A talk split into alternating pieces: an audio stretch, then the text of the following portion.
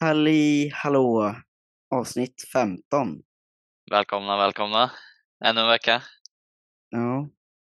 Hur har du haft det den här veckan? Det har varit bra. Det har varit ganska chill i pluggandet så kunnat lägga mycket tid på träningen sådär.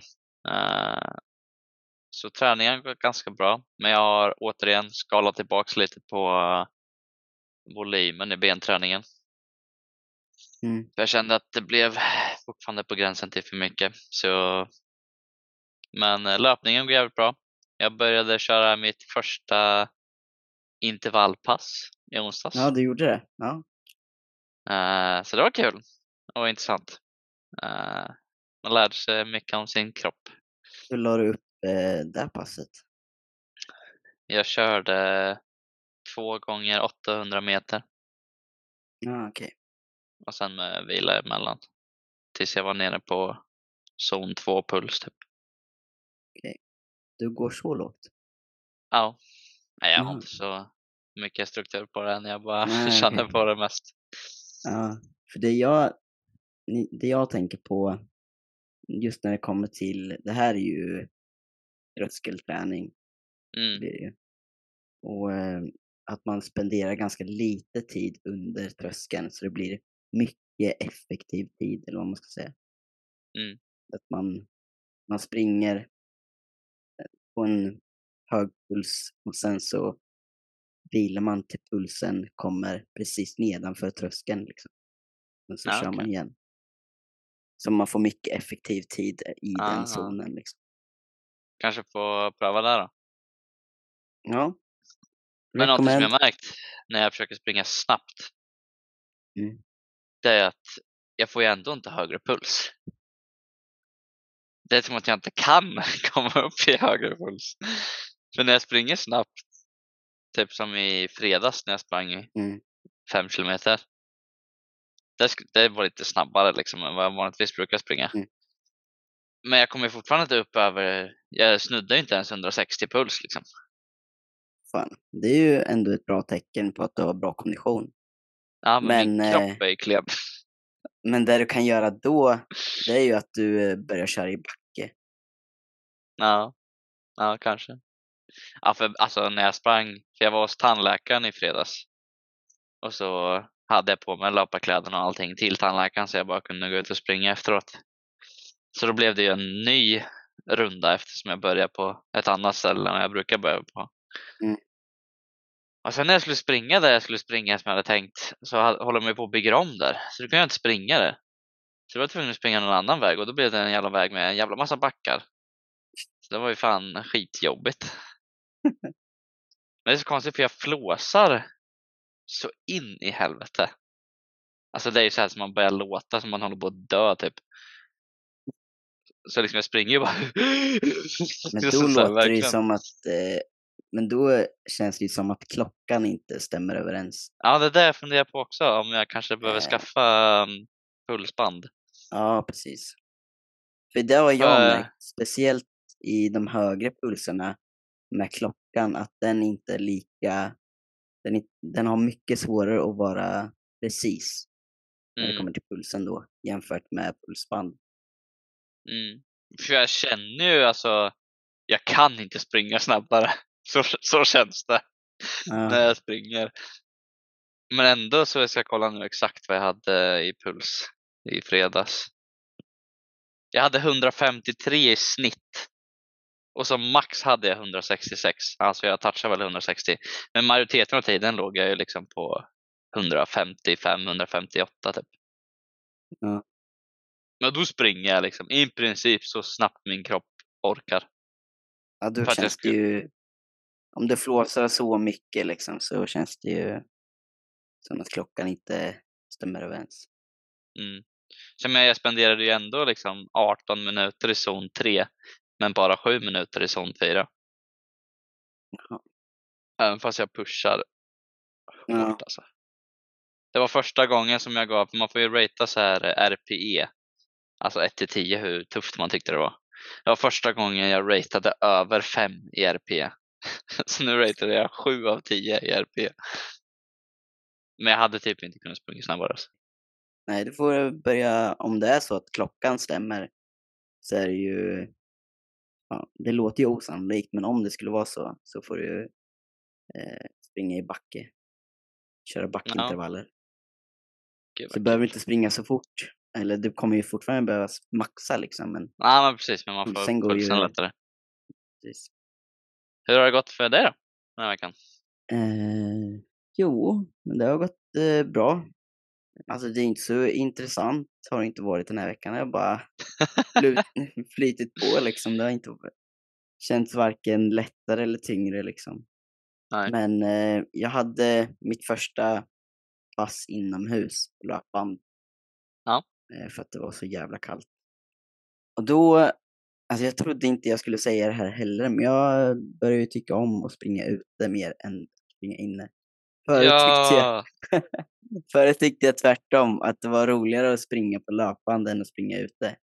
Men Ja. då var det också så här att jag, jag sprang för fort ute så att min andning blev knas. Så Ja. att jag fick liksom ont i halsen. ja. Eh, så eh, ja, det var lite tråkigt att spendera en och en halv timme på löpband. ja, du körde långdistans på löpband? Ja, precis. Oh fan, Det ja, det hade jag aldrig orkat. Jag körde ju mitt, eh, mitt, distant, eller mitt eh, intervallpass i onsdags var ju inomhus. Mm. Eh, det var också mitt första inomhus liksom. Eh, men jag fick så jävla träningsvärk i ja, vaderna slash tibialis och framsida vad. Typ dagen efter, men jag brukar aldrig få träningsvärk annars från löpningen typ. Så antingen var det att det var liksom löpbandet som är hårt och stumt eller så var det intervallen då. Men Eller det träningsvärk. vara Ja, eller så kanske det var löptekniken på löpbandet. ja, kanske. Mm. Men jävlar vad bra det kändes när jag sprang idag. Jag sprang i mitt långdistans idag. Mm. Kändes väldigt effortless. Jag hade lägre puls än eh, förra veckan i snitt. Jag hade 139 i snitt. Eh, och vi sprang 13 kilometer. Men jag såg att du eh, hade ett snittpace på typ 6.30 med 140 puls. Bra. 6.25. Ja. Ja, det gick jävligt bra idag. Sen är det ju första gången med eh, distanspasset med nya skorna också. Så det gör ju lite till hastigheten. Jag har också nya skor förresten. Ja. Eh, och eh, det jag tänker med dem är att jag kommer använda dem mestadels till de längre passen. Men så kommer Mm. jag använda de andra som är mindre support till de andra passen. Just för Ja, att okej. stärka upp eh, lederna och senorna Ja. liksom. Jag känner tvärtom med mina skor. Jag får läsa, mina nya skor är ju snabbare. Mm. Men de är inte lika stabila. Så jag måste kämpa mer för att hålla foten liksom. Så jag får snarare mer träningsvärk i fötterna av de nya skorna än de, Men de du har ju, skorna. du har ju liksom en, med, du har skor med kolfiberplatta i. Ja. Och de är ju snabbare. De ska ju vara, är byggda för att vara snabbare. Inte så Mm. jättestabila så.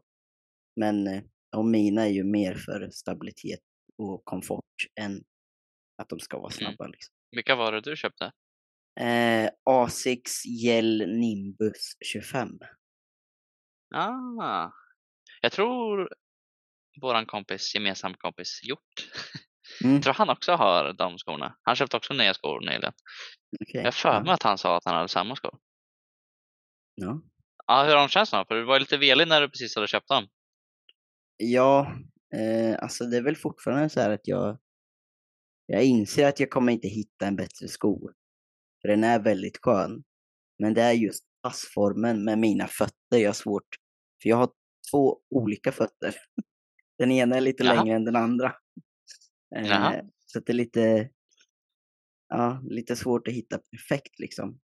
Mm. Eh, Men de känns bra, men de känns inte helt bra när det kommer till passform.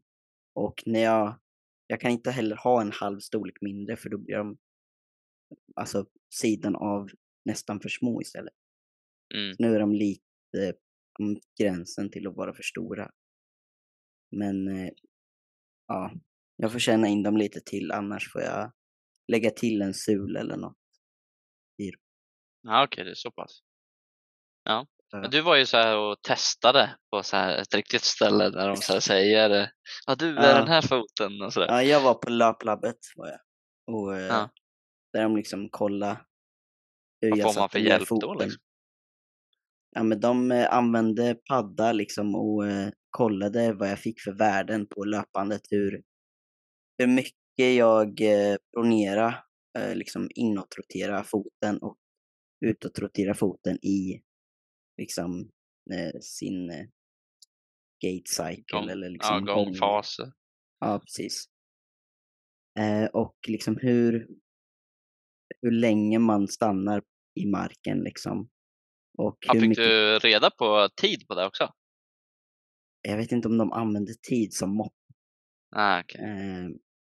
Eh, och sen så eh, använder de hur bra den skon genomförde kraft för att komma framåt liksom. Eh, Ah, okej. Sen så var det typ stabilitet som tredje sista liksom. Det låter för jävla avancerat alltså. Ja, det var, ja, det var lite värden men det var inte jättemycket värden så. Nej. Men eh, det ger ju en bättre, eh, ska man säga, man får ju, vad heter det? Tappa bort mig liksom. Men man får, ja, Jag blir lätt- det blir- det blir lättare att välja skor helt enkelt. Jag tänkte säga något annat men ja, det blir lättare att ta ett beslut. Ja. Min toxic trait tror jag är att när jag är sådär och ska gå och testa skor, då är det ju att jag inte tror att de vet vad de tror att de vet. Ja, ja men jag, jag känner, jag kan relatera emellanåt. Så då känner jag typ så här, men då kan jag lika gärna kolla upp på egen Ja. hand. Liksom. Och sen Men blev ju löp- de jag, skorna jag köpte jättebra för mig ändå. Men Men de på löplabbet, de är ju liksom, de springer ju konsekvent och de tävlar liksom. Många Mm. av dem. Så att det är ju, eh, Ja, jag ju fick väldigt, jag fick väldigt bra hjälp ja, Ja, men då kanske man kommer in lite på eh, det som jag fick, eller som jag har tänkt på den här veckan. Eh, det är att jag pratade med en eh, bekant, eller vad man nu ska säga, på gymmet. Eh, så kom vi in lite på, han frågade hur min löpning och så gick. Och så kom vi in på, så frågade jag om, om han löptränar. Och då så sa han att eh, nej, jag kan inte göra det, eh, för jag får ont i höften. Och så kom vi in lite på det här att vissa sjukgymnaster och så kan vara ganska hårda eller tuffa i hur de betonar saker och ting. Eh, och det här har jag också fått ta del av när jag var sjukgymnast när jag var yngre, när jag hade ett knäproblem. Att de sa till mig, ja men du kommer aldrig kunna spela basket igen. Och att säga det där aldrig, det blir så lätt att tro på det. Alltså att, ja men okej, ja men då är jag väl körd då liksom. Men så funkar ju inte riktigt kroppen. Eh, man kan ju faktiskt träna runt sina eventuella problem man har för att fortfarande kunna göra det man vill göra. Liksom. Ja, och sen kanske man inte kommer upp på samma nivå som man var innan. Men man kommer ju, om man gör det på rätt sätt så kommer man ju förhoppningsvis kunna liksom ändå utöva där man vill. Det är så jävla lätt att fastna i att ja men då är jag väl körd då eftersom alla jag någonsin har varit hos, och oftast när man får ett sånt besked också så går man ju till flera olika sjukgymnaster. Eh, och så säger ju alla sjukgymnaster ja men eh, det är nog kört för dig eller alltså liksom åt det hållet. Och då blir det ännu mer att man kanske börjar tro på det och man slutar träna helt och så blir det bara ännu värre. Liksom. För det värsta man kan göra när man får problem och smärta framförallt, det är ju att sluta med allt. Det är absolut Ja. värsta du kan göra. Ja, det, alltså det skapar ju så mycket andra problem att man, man kanske man blir helt lost i sig själv kan man bli liksom. För att man Mm.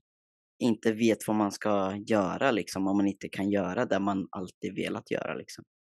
Mm. Eh, så det kan ju påverka så mycket både självkänsla och självförtroende liksom. Mm. Ja, jag Mm. visste ju inte riktigt vad fan jag skulle göra när jag inte längre kunde spela basket för jag hade så ont i knäna liksom. Men sen kom det också till ett skede liksom när styrketräningen också gjorde att jag fick ont i knäna. Och det var ju förmodligen från att jag slutade träna basket. Då, försvin- då försvinner ju den stimulansen helt. Och så hade jag inget annat jag gjorde istället så då blev det bara ingen stimulans. Och ingen stimulans gör att det blir ännu sämre. För, för någonstans så måste du ju liksom du måste ju göra ändring för att få ändring. Man är ju en eh, man är ju dum om man tror att det ska ske en ändring om man inte gör något. Man kan ju inte hålla på och slå huvudet i väggen och hoppas på att nästa gång man slår huvudet i väggen då kanske händer något. Nej. Så är det väl. Men det Eh, kanske också i ett sånt här skede när man känner att man är fast och man känner sig nere och liksom så. Det är ju kanske då man behöver ta tag i en coach. Alltså ta tag i någon annan som har varit igenom samma process och liksom börja jobba någonstans. Sen får man ju oftast skala bak på hur mycket man kanske gjorde innan. Men man måste ju göra någonting. Man måste ju odla någonting för att det någonsin ska kunna blomstra liksom. Ja, precis. Ja, det är så lätt också att, att sätta en stämpel på någonting och sen bara säga att det här är det du har. Det är liksom, det är istället för att göra något åt det som liksom, alltså något praktiskt liksom, någon, något agerande. Eh, Mm. Och bara sätta en, göra en undersökning och sen stämpla dem liksom. Mm. Mm. Ja, Jag har alltid tyckt att det har varit så jävla konstigt. Jag menar om man kollar till exempel till det kvinnliga könet. Mm. Vi som människa eller kvinnan som människa kan liksom skapa liv. Kroppen kan skapa liv. Och här är vi och säger nej men du har lite ont i knät så du kommer aldrig kunna läka igen. Liksom kom Mm. igen. Kroppen är komplex. Den kan Ja. mycket. Vi måste Ja. bara navigera rätt liksom. Ja, precis. Ja, rätt mängd stress och så skapar den liksom rätt respons. Mm. Mm. Och jag är ju någonstans i, i det skedet nu att från att ha haft väldigt mycket knäproblem och haft ont i knäna till att Mm. jag eventuellt snart är på samma nivå atletiskt sett som jag var när jag var 16. Liksom. Mm. Och det är ju åtta år sedan nu. Mm. Och visst, jag är väl ganska ung beroende på hur man frågar liksom. Men det går ju alltid att bli bättre även fast vi blir äldre. Ja, precis. Ja, jag kan ju också relatera, alltså jag, jag har haft väldigt mycket ryggsmärtor på grund av att jag legat mycket på sjukhus och ihop med golf. Mm. Eh, och ja, när jag var 15-16 där, eller ja, mellan 16 och 18 skulle jag väl säga, så hade jag också väldigt mycket ryggproblem. Eh, och då var ju min smärta absolut högst. Och nu har jag typ ingen, eller jag har i princip ingen smärta eh, Mm. alls i ryggen kvar. Eh, och det beror ju på hur jag har tränat och tränat runt det när jag hade smärta. Mm. Och, eh, ja, Det är också så intressant att höra från folk som inte har någonting att göra med träning kring vad de tror är anledningen till varför man får typ ryggskott eller liksom varför man får ont i ryggen framförallt. Eh, och det här är från en anekdot som jag pratade med en kompis och det var här vad hände- på hans jobb. Då hörde han några av hans kollegor som pratade om för att en av dem hade börjat få ont i ryggen och så sa de ja men man, man borde ju kunna förhindra det här genom träning. Och så sa en annan gubbe, så sa han nej men du vet min son han tränar massor men han har också ryggskott. Så det kan inte vara träning som gör att det är någon skillnad. Och liksom är så snabba på att dra slutsatser. ja, och det, man drar så stora streck liksom. Det blir alldeles eh, för generellt eller liksom, det blir inte så här, ja hur tränar sonen först och främst? Hur ser sonens liv ut? Liksom vad, vad gör sonen om, när han inte tränar? Mm. Alltså det blir så här. Ja, man, man är väldigt eh, snabb och dra bra beslut. Liksom. Mm. Och framförallt i typ sådana, i sådana cirklar eller sånt, sånt umgänge så kan det vara ganska, eller det kan kännas ganska naturligt som att nästan, ja men förr eller senare får väl alla ett ryggskott. Mm. Men så är det ju inte. Om, om man är frisk och har koll på sin, sitt liv, inom Mm. parentes, så borde man inte skada sig i form av till exempel ett ryggskott. Nej. Du borde hålla dig hel. Och jag har ju haft ryggskott. Och det är lätt att tänka så här, ah, nu har jag haft ryggskott, nu ska jag eh, göra eh, ryggen så styv som möjligt för att eh, inte få ryggskott igen liksom. Mm. Och så får man ryggskott igen för att man gjorde precis det. För att man inte rörde på ryggen. Ja. Ryggen är till för att röra på sig. Annars Mm. skulle vi inte kunna knyta skorna liksom. Mm. Det skulle vara väldigt jobbigt. Eh, så att rör på ryggen om, och sen börja där du är. Om du Mm, har precis. eh, svårt eh, med det här liksom. Och många kanske kan känna att det är jättelöjligt när man börjar liksom skala tillbaks kring där du måste börja. Ja. Så vet jag att jag kände med min knäskada när jag liksom måste börja så här kliva upp på en liten låda. Ja, precis. Men så man, då kände man, jag bara, ja. man vet att man har varit på ett annat ställe innan kanske. Mm, Och så ska man liksom nedgradera, eller vad man ska säga. Liksom. Det, blir, mm, det är såklart det blir omotiverat, men det är också så här, vad har du för val om du vill leva ett hälsosamt liv framöver? ja. Alltså, det finns ju inte så mycket val då. Nej, man måste ju bara börja någonstans. Ja, precis. Och på tal om rygghälsa och liksom så, så jag har börjat lite smått och eh, försöka klara brygga. Det ska bli intressant. Vad är det? Brygga när man står eh, Ah, upp, mot ah! golvet eh, och eh, höften upp. Och Ah, okej. liksom... Fan, det var inte igår man såg en sån där. Nej, så det, det håller jag på med. Eh, och eh, tänker att jag ska bli eh, vig, i, vig i så många positioner som möjligt i ryggen. Ja, fan vad kul. Hur, Ja. hur nära är du nu då? Ja, men jag har, eh, när jag kör på gymmet så har jag liksom satt en bänk. Mm. Så lutar jag mig över bänken och så har jag satt en 20, eh, en 20 kilos platta för att höja upp lite. Som Ja. en regression liksom. Ja. att det blir lite lättare. Eh, så att inte händerna och armarna behöver gå så långt ner. Ja. Eh, och det går eh, bra. Alltså jag kan ju hålla den positionen i eh, 15 sekunder ungefär. Ja. Jag har ju för bra självförtroende för jag tror att jag kan göra det här nu. så, så efter podden så ska jag, ska jag kolla om jag kan göra det här. Men någonting som jag, på tal om vighet och sådär, något som jag blev förvånad över eh, när jag bastade förra veckan. Jag tror inte jag har nämnt det här i podden innan, men eh, när jag bastade förra veckan så prövade jag, du vet det här eh, standard att sen nudda golvet med händerna när man står Ja. Och då insåg jag att jag kan nudda benen liksom. Ja, precis. Och då insåg jag att jag kan nudda mina knän, eller nudda mina axlar mot mina knän när jag står upp. Ah, okej. Och det har jag inte kunnat göra innan. Nej.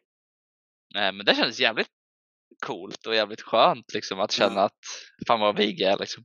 Har du gjort något speciellt för det liksom? Eller liksom, vad kan du koppla det till? Vad har gjort den Jag tror ju ändringen?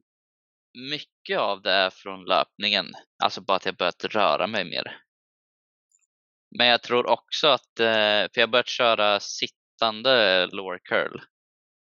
För de har fått in en ny maskin på Vrinnevi. Mm. Som, eh, som jag köper ibland och sen finns det även i city. Men jag har i alla fall börjat köra den mer. För förut så körde jag bara typ eh, liggandes lower curl.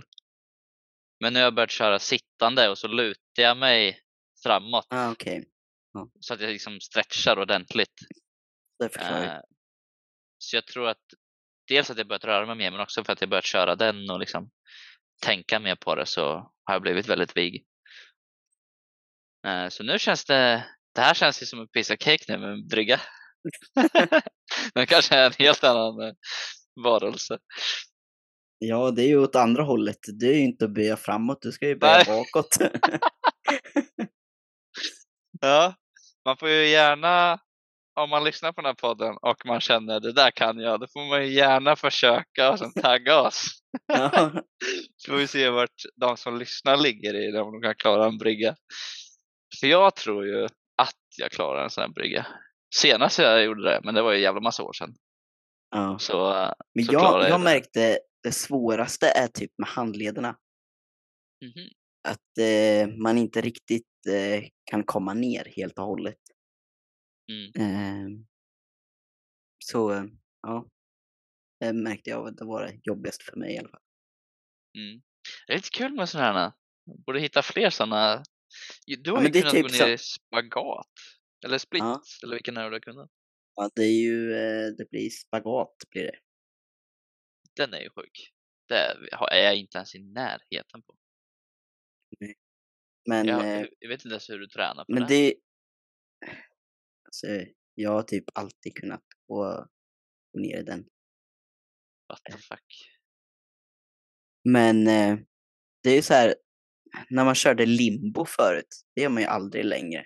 Det är också en så här enkel grej. Det kan man ju typ göra på uppvärmning inför ett gympass. Så Ja. köra lite limbo liksom. Det är ganska Ja. kul. Eh, Det som var man ju uppvärmning. grym på när man var ung. Idag hade man ju eh, fallerat direkt. Nackskador, bara ner mot golvet. Ja, precis.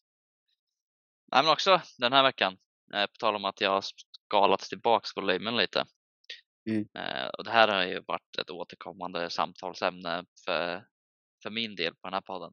Men det här att göra jobbiga saker liksom. Att även fast jag inte vill göra någonting, att ändå få sig till att göra det. Eh, det kom faktiskt ut en ny forskning av Huberman, eller Dr. Huberman, Andrew Huberman om man vill kolla upp honom, eh, som visar på att man kan träna sin förmåga att göra jobbiga saker. Så att delen i hjärnan som är ansvarig för att göra jobbiga saker blir faktiskt större och växer när man tränar på att göra saker som man inte vill göra. Har du eh, läst faktiskt- den studien? Ja, Jag läste igenom hans summary av den, Ja, okej. så eh, inte source, men Nej. från Huberman, men jag litar på honom. Eh, det var jävligt intressant för min del. För jag tror att många tänker att det inte går att träna, att det alltid kommer vara lika jobbigt så att säga. Nej, så är det ju. Men man lär sig ändå förr eller senare att lista ut sig själv liksom, så att det inte blir lika stor uppförsbacke. Ja. Kan i alla fall jag uppleva liksom, att det kan vara. Det är ju lättare för mig idag att tvinga mig till gymmet än vad det var när jag precis hade börjat. Liksom. ja, men det är ju också så här. När man känner att man blir bra på någonting också. Att man känner att man. Det behöver inte vara att du blir bra på just den eh, färdigheten, men att du blir bra på att gå upp eller att du tar dig an den här. Du blir bra på att göra det konsekvent. Liksom. Mm. Mm. Något som jag har märkt ganska tydligt när just med att göra jobbiga saker. Det är att jag försöker ju basta eh, i alla fall en gång i veckan men nu kör jag oftast två gånger i veckan. Och så kör jag kalldusch och så varvar jag de två. Liksom. Och första veckan när jag bestämde mig för att jag skulle börja köra det här igen Eh, då sög det ju massivt. Alltså det var jättejobbigt. Jag kunde max sitta fem minuter i bastun liksom. Och då var det så här, varenda sekund ville man bara gå ut. Och samma sak med, med kallduschen så var ju det mentalt jobbigt att kliva in i kalla duschen liksom. Men nu när jag gjort det i ja, typ en månad då är det inte alls lika jobbigt längre. Så nu kör jag ju 10 minuter i bastun och förmodligen varmare än vad jag körde när jag började också. Och sen isduschen är ju typ bara, eller kallduschen är det snarare, den är typ bara skön nu. Alltså det känns bara, det är bara skönt. Ja. men det kan jag ändå tänka mig att det blir liksom att det blir på något sätt skönt efter ett tag. Mm. Eh, speciellt när man varvar de två. Att bara köra kallbad eller något, det är ju förfärligt liksom. Ja, Men eh, Ja, kroppen, eh, kroppen är ju bra på att eh, förändras. Liksom. Mm. Alltså vi ska ju börja sig. köra, vi ska ju börja köra utomhus snart. Det lär ju vara is på vattnet, eh, typ. Mm. Men det är också en helt annan grej att bada kallt och att duscha Ja. kallt. Det är Ja. två helt olika djur liksom. Att duscha kallt är mer initialt jobbigt för att det liksom ständigt droppar på den. Men att bada kallt, det är jobbigt konstant. För när du går i och så bara börjar det ont i fötter och fingrar och allting. Men ja, det ska bli kul att bli duktig på det igen också. Du får följa med någon gång. Alltså nej, jag tror eh, jag eh, skippar det faktiskt jag känner inget behov att bli eh, bra på det här, liksom. Eller även att det, som vissa säger att ja men det här är det jobbigaste som jag gör. Ja, då har du kanske inte gjort jättemycket jobbigt men då, då blir det så här, nej. Nej, jag känner bara nej. Det finns andra jobbiga saker i så fall. Det som är så underbart. Någonting som jag vill börja med, men som jag inte kommit till att börja med, det är att duscha kallt på morgonen. Ja, Alltså jävlar vad det är en annan sak. När man är nyvaken så ska man gå in i en kall dusch. Det är ju, alltså det, är, det här samtalet det är ett hårt samtal att ha med sig själv varje morgon. Att bara kliva in i det. För det som gör det lättare när man typ är och bastar så här, det är bara inte tänka på det. Bara starta duschen och gå in. Så att det inte är ett val, utan du bara gör det liksom. Men på morgonen är ju sin schimpanshjärna så jävla stark. ja, Så man vill ju bara ligga kvar i sängen liksom. Så ska man gå upp och ska man gå och ställa sig i en kall dusch. ja, Det blir som en konstant krig i skallen då liksom. Jag har ju en kompis Ja. till mig som gör det varje morgon. Eller majoriteten av morgnar. Han säger det. Alltså det är ju man står där liksom så, kom igen då, kom igen då, slår sig själv typ. Alltså kom igen då. Och ibland så, här, så berättar han att man kan ju börja gråta liksom bara för att man vill inte göra det liksom. Men jävlar vad mentalt stark han är. Så Ja, men- för jag klarar inte det. ja. Jag kan... eh, Jag skulle kunna tänka mig så här kalldusch. Men just kallbad, det attraherar mig inte ett dugg liksom. Man får ju börja med kalldusch och sen blir det badet. Det är som att levla upp liksom. Nej, jag ser verkligen inte det. Men eh, vem vet? Ska aldrig säga aldrig, men eh, just nu är det nära aldrig. Du får följa med till eh, Friskis när vi bastar och duschar. Är lite lättare variant än vad det är på, på Det kan jag göra. Eh, du har, nej, hur ser ditt schema ut med löpningen och så nu? Vilka dagar springer? Eh, jag har inte något eh, strukturerat just nu. Eh, Nej. men eh, alltså jag springer för måndag, onsdag, fredag eller lördag typ. Ja. Eh, ibland så blir det både fredag och lördag. Jag, jag tror jag ska börja springa fyra gånger i veckan nu. Ja. Bara för att volymen börjar komma upp lite. Mm. Eh, Jag har också börjat köra fyra gånger i veckan nu. ja. Då får du börja köra dina långdistanspass på söndagar så kan du springa med oss.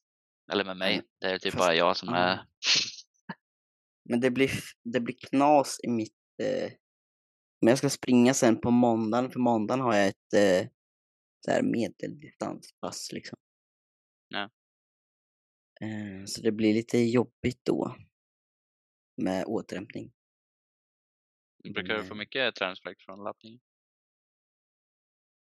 Inte träningsverk så, men att jag inte alls Hjärta. känner mig fräsch liksom. Jag, det är liksom... Jag blir bara otroligt seg i kroppen liksom. Mm. Jag vill inte göra någonting. Någonting som är ganska kopplat till löpning och som vi pratade om för något avsnitt sedan. Det här med HRV, alltså hjärtfrekvensvariabilitet. Mm. Jag kollade upp en video igår för att liksom lära mig lite mer om vad det faktiskt är och vad det gör. och Så här. Och då visar han statistik som visar på är det på 75 plus då är det typ elit. Men det måste ju vara extremt individuellt. Det känns ju, För jag är ju Superman i jämförelse med det då. ja, om din klocka stämmer. Det är också så här, det är så klart som mycket... fan den stämmer. alltså, Varför skulle den inte stämma? för att det är en klocka. Den sitter liksom tror på, den. ja, det kanske, du tror på mycket du. Ja. Men, eh, ja, nej, över 75 i alla fall låter, eh, låter lite lågt Mm, för att vara med. elit liksom. Kanske om man, jag ligger runt eh, 75-80.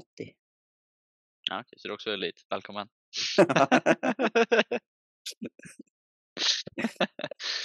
Men när jag hade som bäst hade jag typ 150 liksom.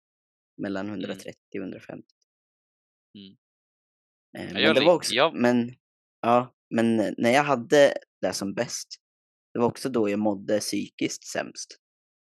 Alltså Ja. i form av eh, liksom kroppen och eh, relation till mat och den biten. Det är ju Eh, konstigt.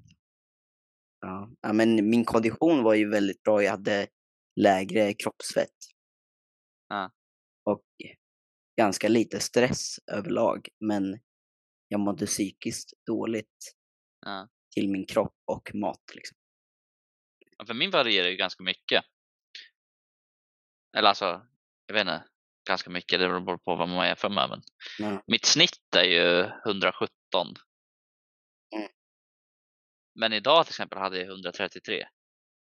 Så det, det är ju ganska stora skillnader från mitt snitt till vad jag har. Ibland kan jag också ha typ så här 150.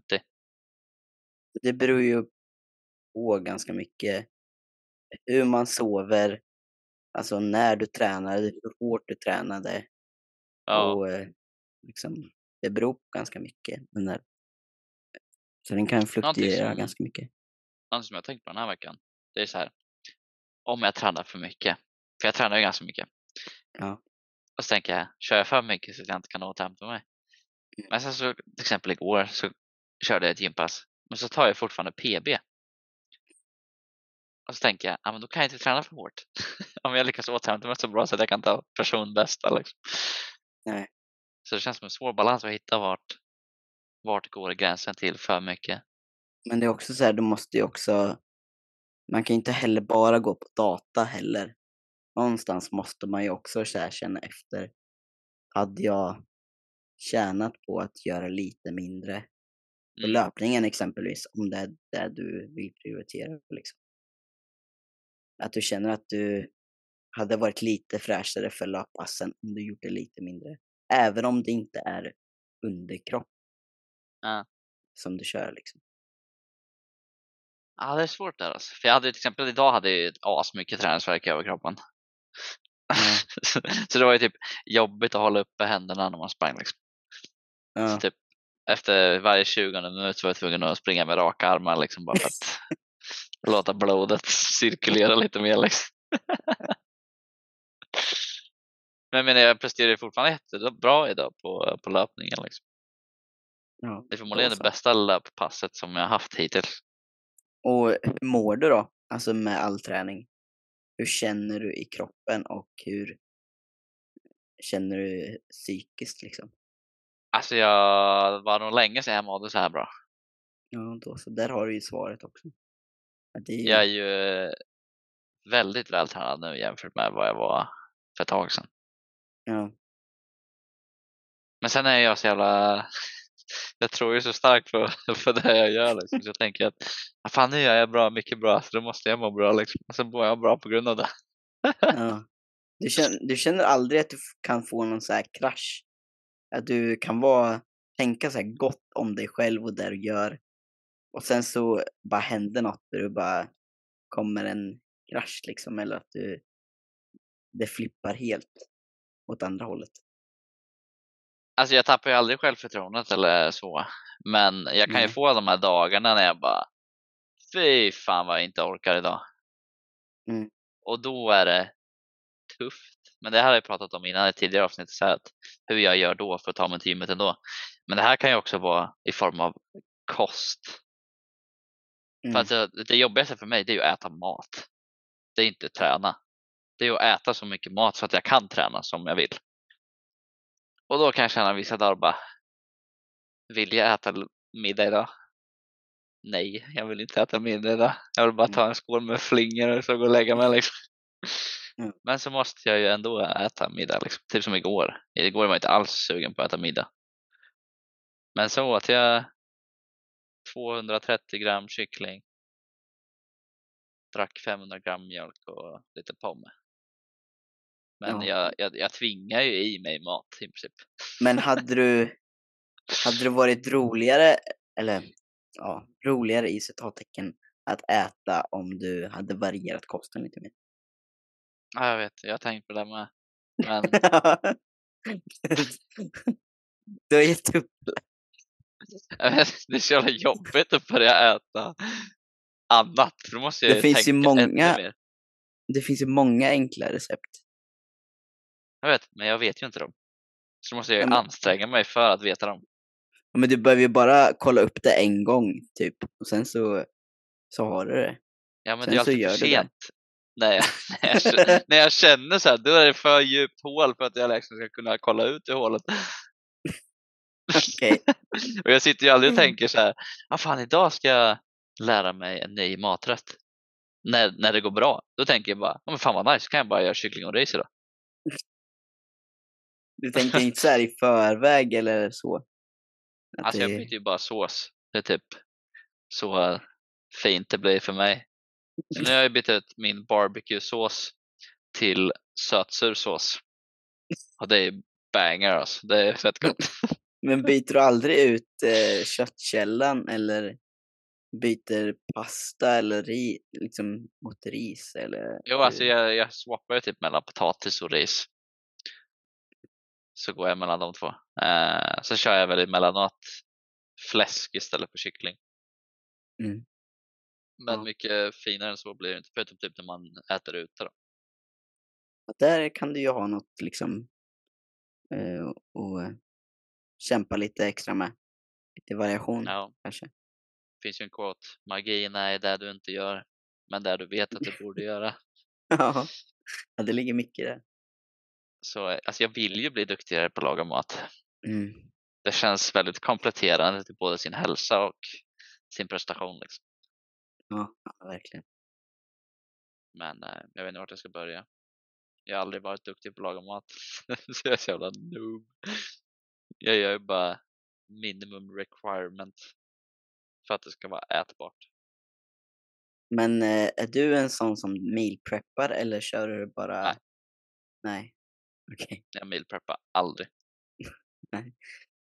Jag har nog aldrig gjort det. Om jag ska vara ärlig. Nej. Nej. Är Nej, sån jag, preppar? Ja, jag tycker om att meal preppa. Speciellt när jag, när jag vill ha extra koll på kosten och jag vet att jag kanske inte kommer orka laga mat. Även om det är liksom, jag vill inte ha samma mat. Jag kan inte ha samma mat hela tiden. Ja. Det går inte. En tanke slog mig nu som var lite contradicting till hur jag tänker. Men min tanke som vad jag skulle svara på när du sa att du gjorde det, det var att ja, men då måste du ju planera och då kan du inte äta vad du vill. Men så kom jag på att det innebär ju att jag skulle äta annorlunda kring hur jag annars äter. Och jag väljer ju alltid kyckling och ris. Så det är inte så mycket av ett val egentligen. Nej, det är inte så många alternativ där. Då. Men då är typ jag kan ju välja sås liksom. Nej, mat är tufft alltså. Men alltså enda gången jag meal preppar typ, om man ens kan kalla det meal prep, det är när jag måste ha mat dagen efter, typ i skolan på lunchen. Det är väl en, det längsta det går för mitt meal preppande. Men jag lagar ju aldrig mat liksom för en hel vecka typ. Det gör jag inte. Jag tycker det är skönt att ha, ha mat klart och inte behöva tänka på att jag behö ska behöva laga mat senare i veckan utan jag kan bara ta en matlåda. Liksom. Ja, det är ju för jävla skönt. Men det jobbiga är ju att göra matlådan. Jag kan tycka att det är ganska kul. Alltså, och eh, när, man, är- när man väl har hittat ett recept som man eh, är nyfiken på eller att man tycker om det här receptet liksom och, Ja. och man hittat ett eh, enkelt recept. Så det behöver inte vara liksom Michelin-restaurang varje meal prep liksom. Nej. Jag tänker också, eftersom jag inte är jätteduktig på att laga mat, så tänker jag också, alltså för, tänk om det blir en dålig måltid. Alltså alla, alla mina måltider blir inte lika bra.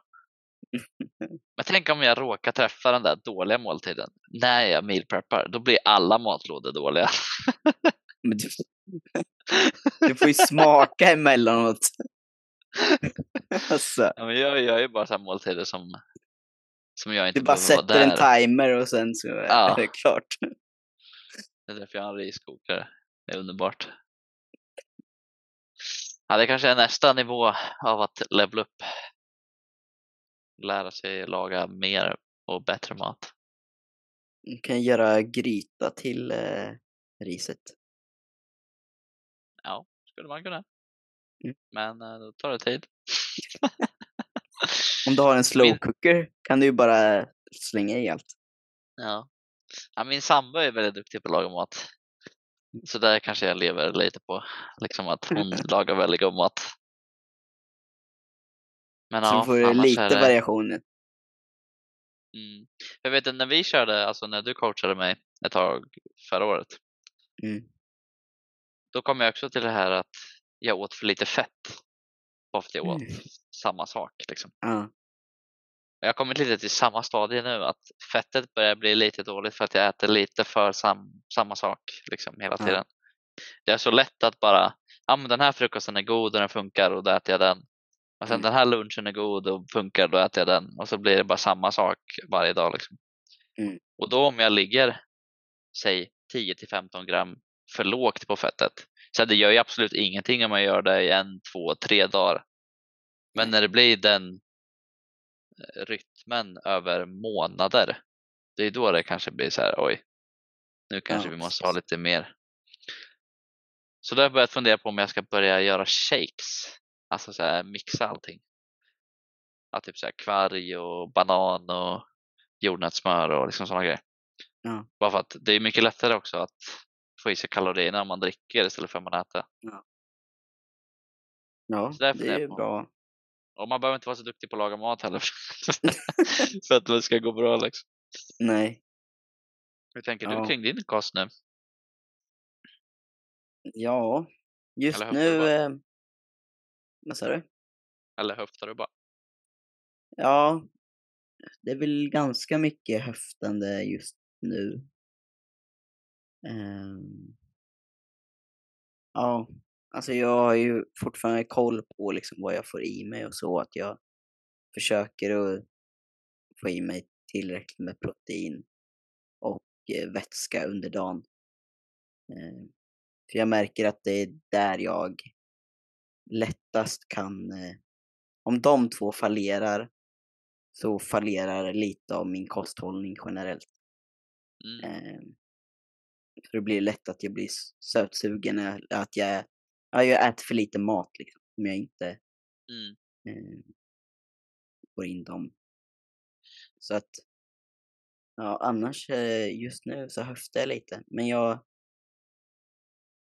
Ja, alltså jag skulle vilja gå ner lite i eh, fettprocent Ja. för, för just knähälsa, för maraton och Ja. eh, för att liksom bli snabbare.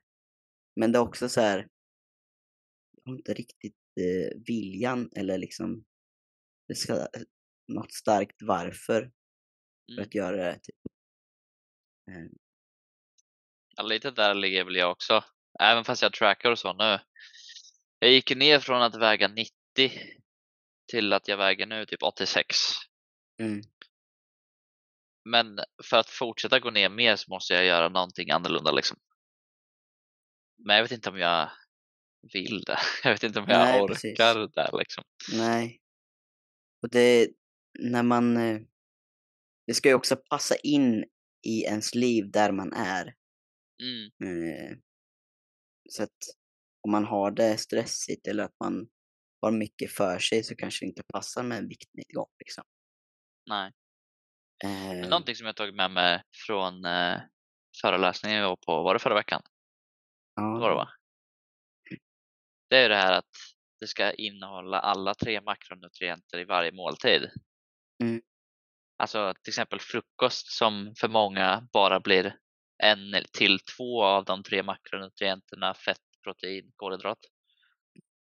Oftast är det typ så här, antingen är det bara protein eller så är det bara kolhydrater.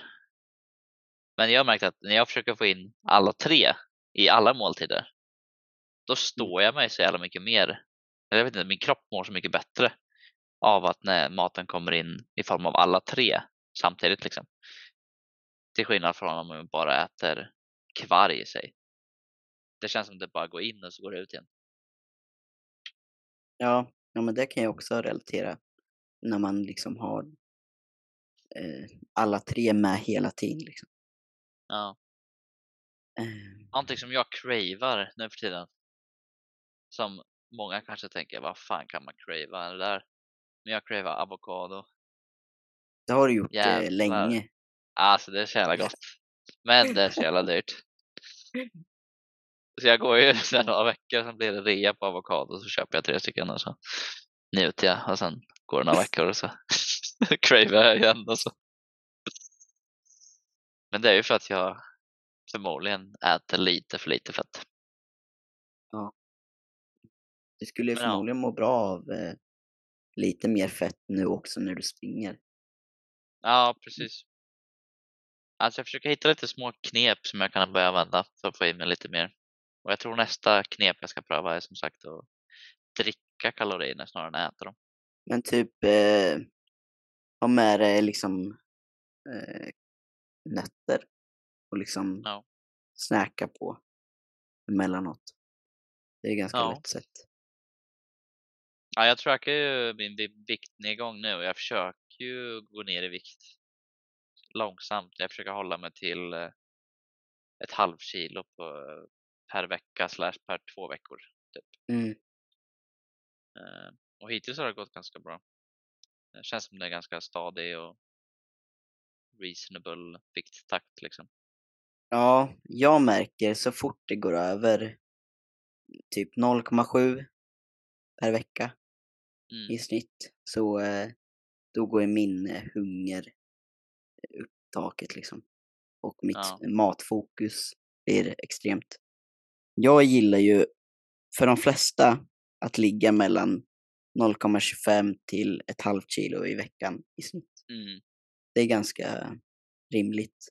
Sen kan det ju bero på vart, vart du är, hur mycket du vill tappa och vad du, om, om du behöver tappa eller liksom gå ner i vikt så.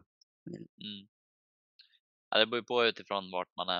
Eh, Ja, om, man, precis. om, om man inte tränat på ett tag och man känner att man är lite större kanske så kan det ju gå lite snabbare i början eh, eventuellt.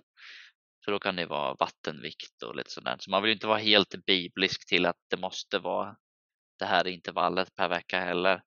Men man vill inte att det ska gå för snabbt över för lång tid liksom. För då kommer man nog tappa mer än där man vill tappa liksom. Ja, det är bara en riktlinje som mycket annat. Mm. Sen måste man känna efter och eh, vad som passar en. Och Mm. så. med, med en av mina klienter som jag kör med så fick jag frågan, eh, eller han fick frågan av sin kompis om varför han väger sig varje dag. För vi väger han varje dag för att se trenden av hur hans vikt fluktuerar liksom. Så inget nödvändigtvis viktigt med varje dags vikt, men för att se trenderna och då fick han frågan, så då frågade han mig varför väger vi, varför väger vi oss varje dag?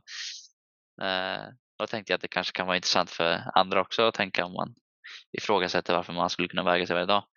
Men jag förklarar det som att om du bara väger det en gång i veckan, vilket annars är kanske ganska normalt sätt att väga sig på, att man väger sig en gång i veckan.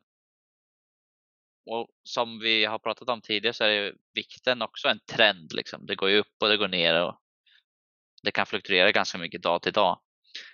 Så då förklarar jag det som att om vi väger oss bara en dag, om vi då råkar hamna på en topp i våran trend, då kommer vi tro, åh jävlar vad mycket jag har gått upp i vikt. Eller det här går ju inte alls bra. För att vi råkar väga oss på en topp. Eller tvärtom, vi råkar väga oss på en, i en dal. Och då känner man ju också, ja men vad fan händer nu? Jag väger alldeles för lite. Eller så. Ja, Men om vi ju väger oss- lättare, Ofta så kan vi ju se trenden. det kan ju lättare bli att man blir eh, lite mer emotionellt investerad Ja. i vad den dagen och den vågen säger just då. Precis. Eh, Så att man liksom går och väntar hela veckan och så bara antingen så blir man jätteglad eller så blir man jätteledsen liksom. Mm. Eh, Så det blir som att allt sätts på den dagen. Istället Mm. för att bara... Ja, jag hade ett tag där jag liksom tejpade över vad vikt, eh, vikten sa. Ja. Och så hade jag min våg kopplad till en app. Så jag ko- Mhm. kollade inte i appen och jag kollade inte på vågen utan jag bara mätte vad jag vägde.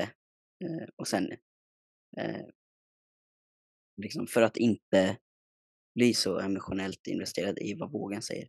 Ja, okej. Vad, så vad har du för jag- våg? Jag har en Aria 2 eh, Fitbit.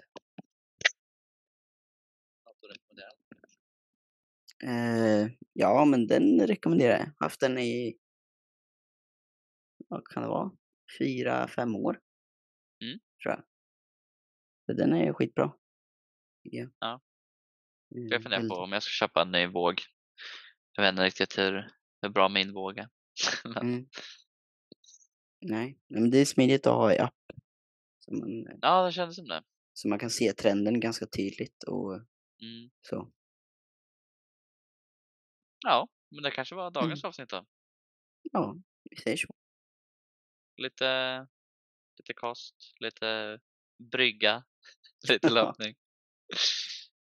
Nej, jag ska väl gå och testa om jag kan klara en brygga nu. Ja, du får om, återkomma. eh, om jag bryter ryggen eller om jag återkommer nästa vecka. Ja, vi får se. Men eh, tack för alla som lyssnade det här avsnittet. Eh, och tack för all bra feedback vi har fått på eh, förra veckans avsnitt. Mm, verkligen. Det är alltid kul.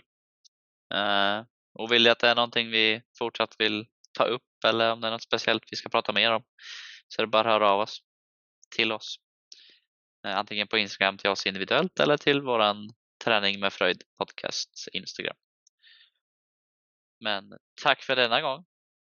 Mm. Tack och ha det fint. Ja. Hej. Hej.